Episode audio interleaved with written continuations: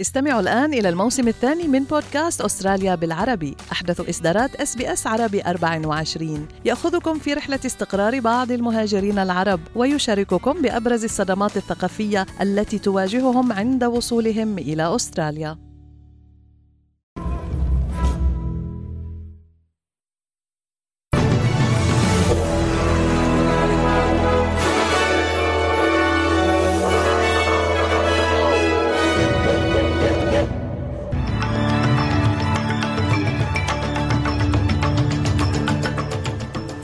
عناوين النشرة. مقتل 24 جنديا إسرائيليا في يوم واحد في غزة. مبعوث أمريكي ووفد من حماس في القاهرة للبحث في هدنة جديدة وضربات أمريكية تستهدف فصائل موالية لإيران في العراق. الإعصار كريلي يقترب ببطء من سواحل شمال كوينزلاند وموجة من الحر الشديد تضرب المناطق الشرقية من أستراليا. ترامب يفوز في انتخابات الجمهوريين التمهيدية للسباق الرئاسي في نيو هامشير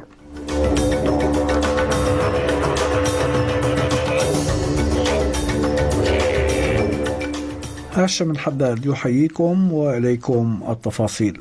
أعلن الجيش الإسرائيلي أمس مقتل 24 من ضباطه وجنوده في غزة أول أمس الاثنين في أفدح خسارة بشرية يومية يتكبدها منذ بدء عملياته البرية ضد حركة حماس في القطاع في السابع والعشرين من تشرين أول أكتوبر الماضي. وأوضح المتحدث من الجيش دانيال هاجاري في مؤتمر صحفي أن 21 جنديا من قوات الاحتياط قتلوا الاثنين في انفجار قذيفة صاروخية استهدفت دبابة كانت متوقفة أمام مبنيين كان الجيش قد قام بتفخيخهما تمهيدا لهدمهما في جنوب قطاع غزة مما أدى لانهيار المبنيين على الجنود. وقتل ثلاثة عسكريين آخرين في حادثة منفصلة ليصل العدد الإجمالي للجنود الإسرائيليين الذين قتلوا في غزة منذ بدء العملية البرية إلى 221 جنديا. According to what we know at this point, around 4 pm an RPG missile was apparently fired by terrorists at a tank that secured the force, and at the same time an explosion occurred in two buildings. The buildings collapsed as a result of the explosion, at a time when many of the soldiers were inside. في غضون ذلك أعلن البيت الأبيض أن بريت ماجورك مستشار الرئيس جو بايدن لشؤون الشرق الأوسط موجود حاليا في القاهرة وأنه سيقوم بزيارات أخرى في المنطقة لمناقشة وقف الأعمال العدائية في غزة بهدف إطلاق سراح الرهائن الذين اختطفتهم حماس. ووصل القاهرة أيضا أمس وفد من حركة حماس للبحث مع مسؤولين في أجهزة الاستخبارات المصرية في مقترح جديد لوقف إطلاق النار وفق مصدر فلسطيني في العاصمة المصرية.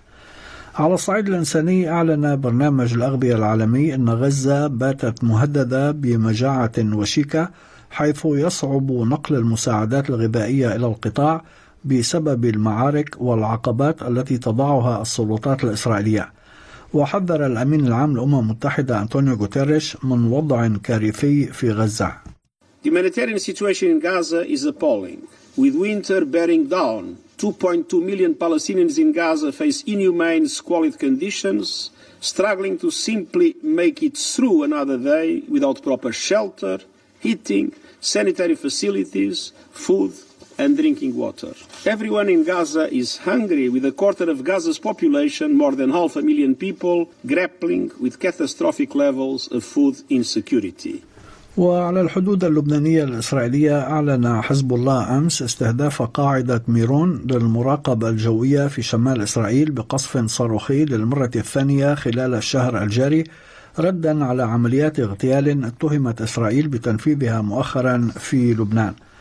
إلى ذلك أعلن وزير الدفاع الأمريكي لويد أوستن أن القوات الأمريكية استهدفت أمس بضربات ضرورية ومتناسبة ثلاث منشآت في العراق تستخدمها ميليشيا كتائب حزب الله المدعومة من إيران وجماعات أخرى تابعة لطهران في العراق.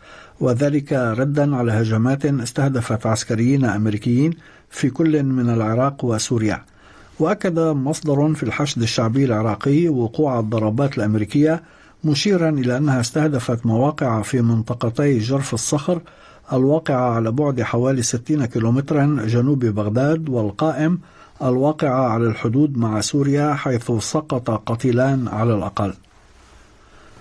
من المنتظر وصول الإعصار الاستوائي كيريلي إلى سواحل كوينزلاند الشمالية ليلة غد الخميس أو صباح الجمعة مع إعلان مكتب الأرصاد الجوية أن الإعصار يبعد حاليا حوالي 700 كيلومتر عن الساحل. وقال رئيس حكومة كوينزلاند ستيفن مايلز اليوم أن حركة الإعصار تباطأت مشيرا إلى أنه قد يتحول إلى إعصار من الدرجة الثانية لدى عبوره المنطقة الواقعة بين كالدويل وبوين. وقال مايلز أن بعض أجزاء الولاية ستشعر بوطأة الأعصار بدءا من اليوم. It has intensified more slowly but is moving uh, more quickly than when we last provided an update yesterday. It's likely to cross the Queensland coast Thursday night between Cardwell and Bowen as a Category 2 system, not a Category 3 as we updated yesterday. Tropical cyclone impacts are likely to begin from tonight, particularly in the Whitsunday Islands. After the cyclone crosses the coast, it's likely to weaken and to a tro- tropical low but ha- have very high levels of rainfall associated with it. إلى ذلك تواجه المناطق الشرقية في أستراليا موجة من الحر الشديد خلال الأيام القليلة المقبلة حيث من المتوقع أن تصل الحرارة في بعض أحياء سيدني إلى حوالي 40 درجة مئوية. المتحدث باسم وزارة الصحة في حكومة نيو ساوث ويلز الدكتور جيريمي ماكينولتي حذر من أن الحر الشديد قد يتسبب بمشاكل صحية للمسنين والأطفال خاصة داعيا السكان لاتخاذ بعض التدابير الوقائية. If you are going out and about, make sure you're prepared for hot weather. So wear comfortable, loose-fitting clothing that's not too heavy. Wear a hat, sunscreen, sunglasses. Carry water with you because in hot weather you'll dehydrate more and keep up your, your water. So drink more than you would normally do.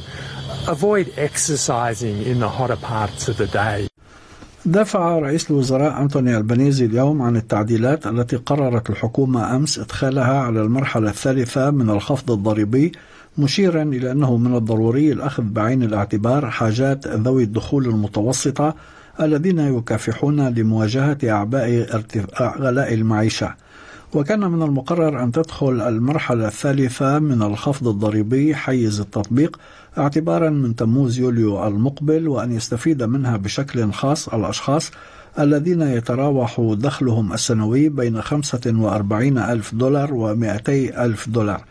ومن المرجح بموجب التعديلات المقترحة رفع الحد الأدنى لدخل المستفيدين من 45 ألف دولار إلى 50 ألفا على أن يخفض الحد الأقصى لدخل المستفيدين من 200 ألف إلى 180 ألف دولار.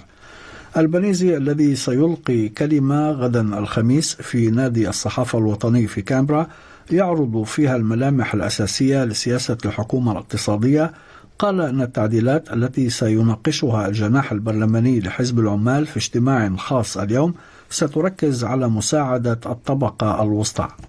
We know that there are cost of living pressures on middle Australia and we're determined to follow the Treasury advice to provide assistance to them.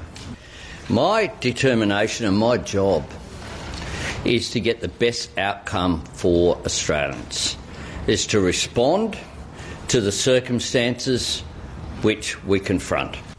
في المقابل اعتبرت المعارضة الفيدرالية أن حزب العمال يتراجع عن تعهد انتخابي وقال عضو مجلس الشيوخ من الحزب الوطني مات كانفان في حديث مع القناة التاسعة أن رئيس الوزراء خان ثقة الناخبين It's a bit strange from the Prime Minister that clearly he's trying to restore trust with the Australian people by breaking another promise. Look, if the Prime Minister wants to change uh, his tax plans that he had a mandate for, that he was voted in to do, he should go to an election.